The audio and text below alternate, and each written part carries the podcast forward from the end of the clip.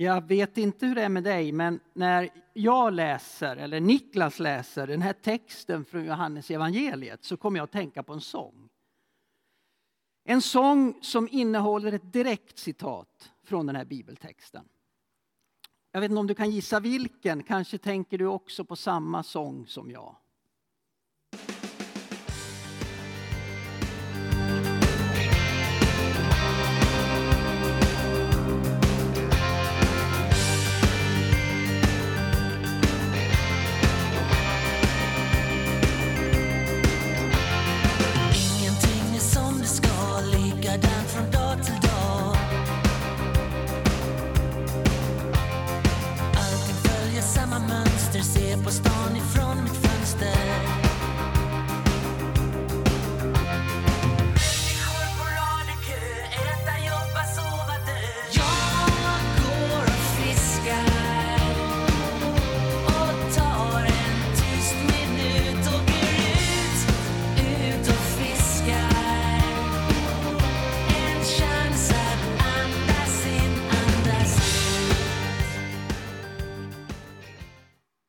Det någon mer som tänkte på den här sången?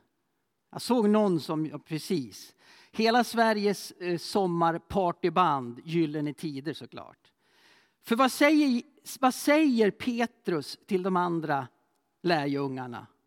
Det är ett citat då som Per Gessle upprepar. Jo, jag går och fiskar. Och de andra lärjungarna de säger, vi följer med. I onsdags så hade vi en medarbetarträff uppe i Ockelbo. Och där satt vi bland annat och pratade om just den här texten ifrån Johannes. Och mina båda före detta kollegor från Betlehemskyrkan hade en del klokt att säga om den här texten. Niklas Björklund, han använder den här texten som ett starkt bibliskt bevis över att grillat är bäst aldrig fel att ta fram grillen. Jesus hade fixat en glödhög, står det. Och på den grillade han både fisk och bröd. Pelle Widman, han menade att det här är en text där lärjungarna är tillbaka i vardagen igen. Efter allt det stora, allt det mäktiga, allt det märkliga som händer på påsken i Jerusalem så vet de inte riktigt vad de ska ta sig för. Vad gör vi nu? Vad gör vi nu? Så de går och fiskar. Och jag kom själv att tänka på en annan fisk. Den här animerade filmen om den lilla fisken Nemo. Nemo som vill ut på äventyr och som hamnar i trubbel och till slut i akvariet hos en tandläkare i Sydney. En tandläkare som varje år ger sin brorsdotter en akvariefisk i födelsedagspresent. En akvariefisk som detta monster till brorsdotter alltid lyckas döda. Har ni sett den här filmen? Ja. Mitt i detta så börjar då en räddningsaktion där i akvariet. Filmen beskriver hur akvariets ärrade och erfarne men till början uppgivne kämpe Gill till slut offrar sig hjältemodigt för att Nemo och de andra fiskarna ska kunna fly till havet.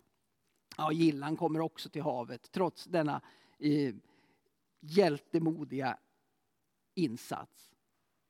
Och det jag tycker om med den här filmen, ja, mer än tycker om, älskar med den här filmen, det är hela filmens slutscen.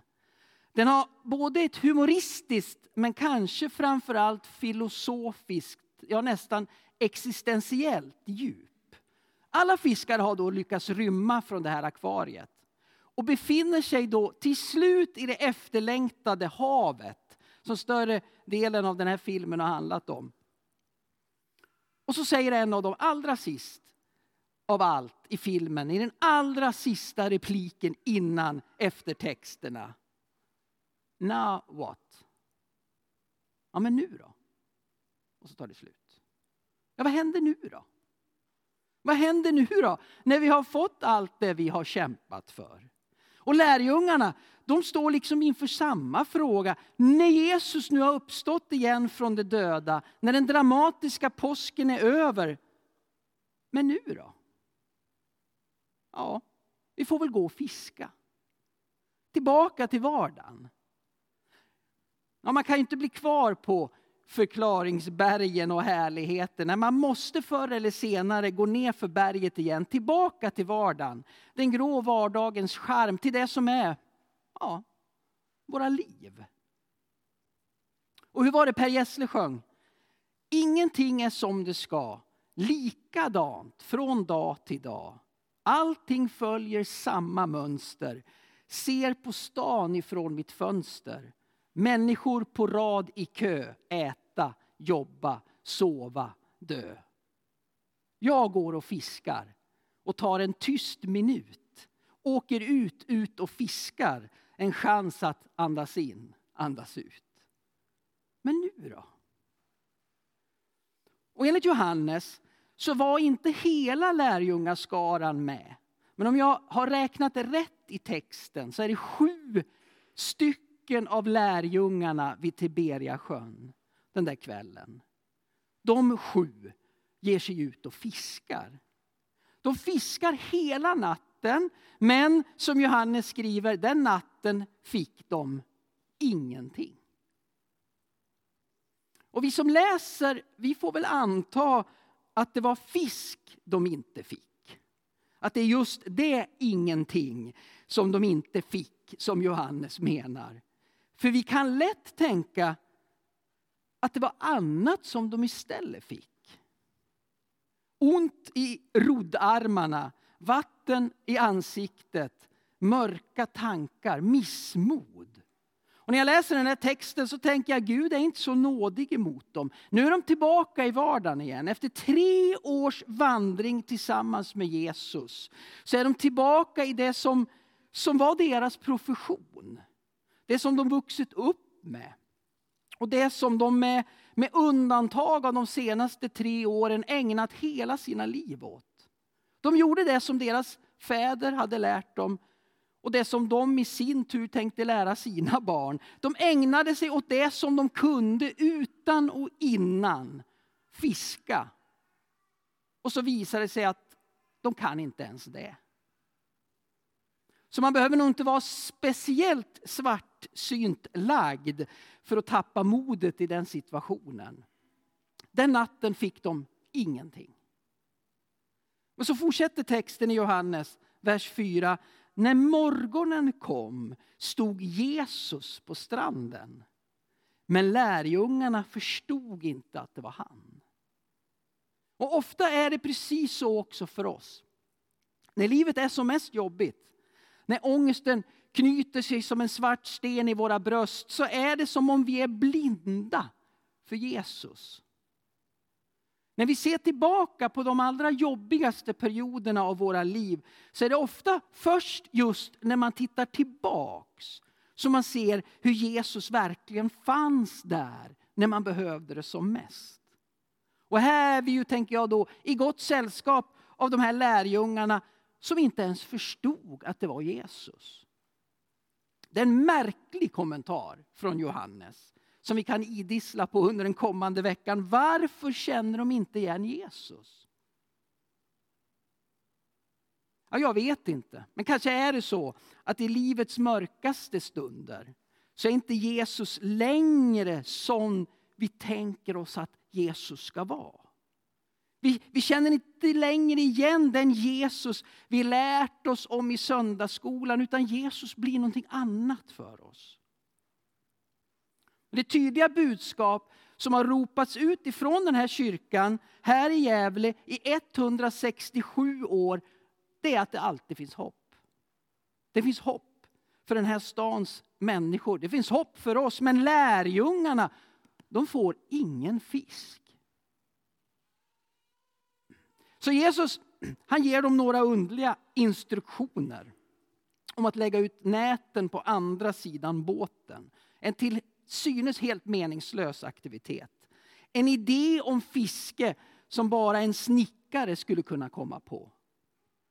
Vad skulle det spela för roll om man lägger ut näten på vänster eller höger sida om båten? Ja, men naturligtvis spelar inte det någon som helst roll överhuvudtaget. Men de väljer ändå att lyssna på Jesus. De har inte så mycket kvar att förlora. Ibland är det som om vi lyssnar på Jesus först när alla andra möjligheter är uttömda. Och så säger texten att de får så mycket, så mycket fisk att de, de orkar inte dra in näten. Och så fortsatte det. Jesus sa till lärjungarna, kom och ät. Jesus gick fram, tog brödet, gav dem och likaså fisken. Alltså, de var sju stycken som åt av det som Jesus serverade den där morgonen vid strandkanten. Och jag tycker att det är så vackert att de är sju stycken. Att de får uppleva det här tillsammans. Både känslan av, jaha vad gör vi nu då? Vad ska vi ta oss till?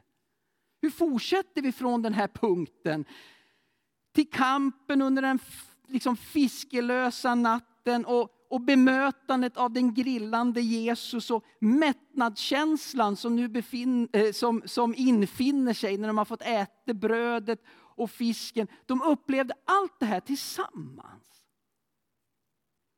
Efter den här gudstjänsten idag så har vi församlingsmöte. Vi gör detta tillsammans, både missmod, nedstämdhet, glädje, hopp inte var och en för sig, utan tillsammans. Och Niklas påminde mig i veckan om ett möte som jag var med om som generalsekreterare på Ekumenia. Och som sån hamnar jag i lite olika paneler i lite olika sammanhang.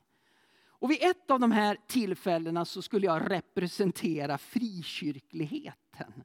Det var, det var en, en hearing om ungdomars tro eller något liknande som någon statlig myndighet hade bjudit in till.